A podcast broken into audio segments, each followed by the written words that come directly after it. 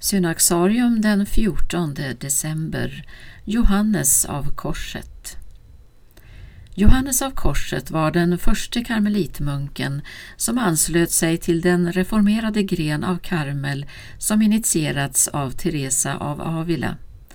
Juan de Jeppes Alvarez, som han hette, föddes i en mycket fattig familj i Fontiveros i det gamla Kastilien. Hans uppväxt var svår och för att finansiera sina studier tog han arbete som skötare på ett sjukhus där offer för pesten vårdades.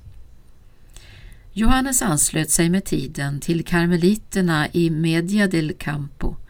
I klostret lade man snart märke till hans begåvning och sände honom för studier i det berömda universitetet i Salamanca. Johannes starka dragning till ett asketiskt liv hade nästan fått honom att fatta beslutet att lämna karmeliterna och istället ansluta sig till de strängare kartusianerna när han mötte Teresa av Avila. Hon övertygade honom om möjligheten att reformera karmelitorden.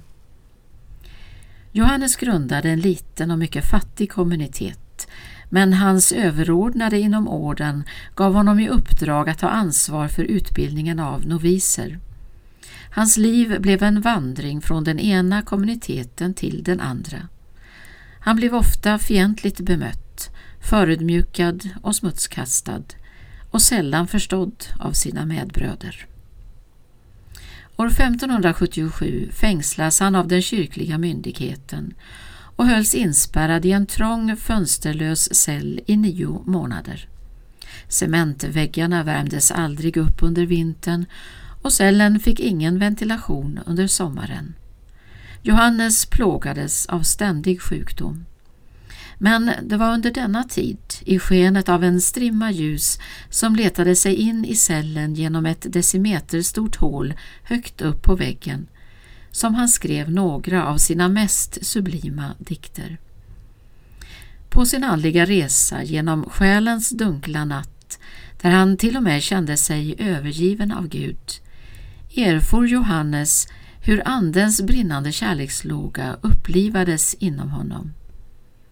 Efter att ha lyckats fly från sin fångenskap tillbringade han åtta månader för att återhämta sig och skrev då Bestigningen av berget Karmel, en kommentar till den andliga poesi han skrivit ned i cellen. Här utlägger han mystikens väg, från rening via upplysning till själens förening med Gud och vittnar om hur denna ljuva erfarenhet väntar alla som i trohet följer Kristus på hans vandring genom död till liv. Johannes av Korset har genom sina skrifter blivit en andlig vägvisare för människor i många kristna traditioner. Han dog natten till den 14 december 1591, endast 49 år gammal.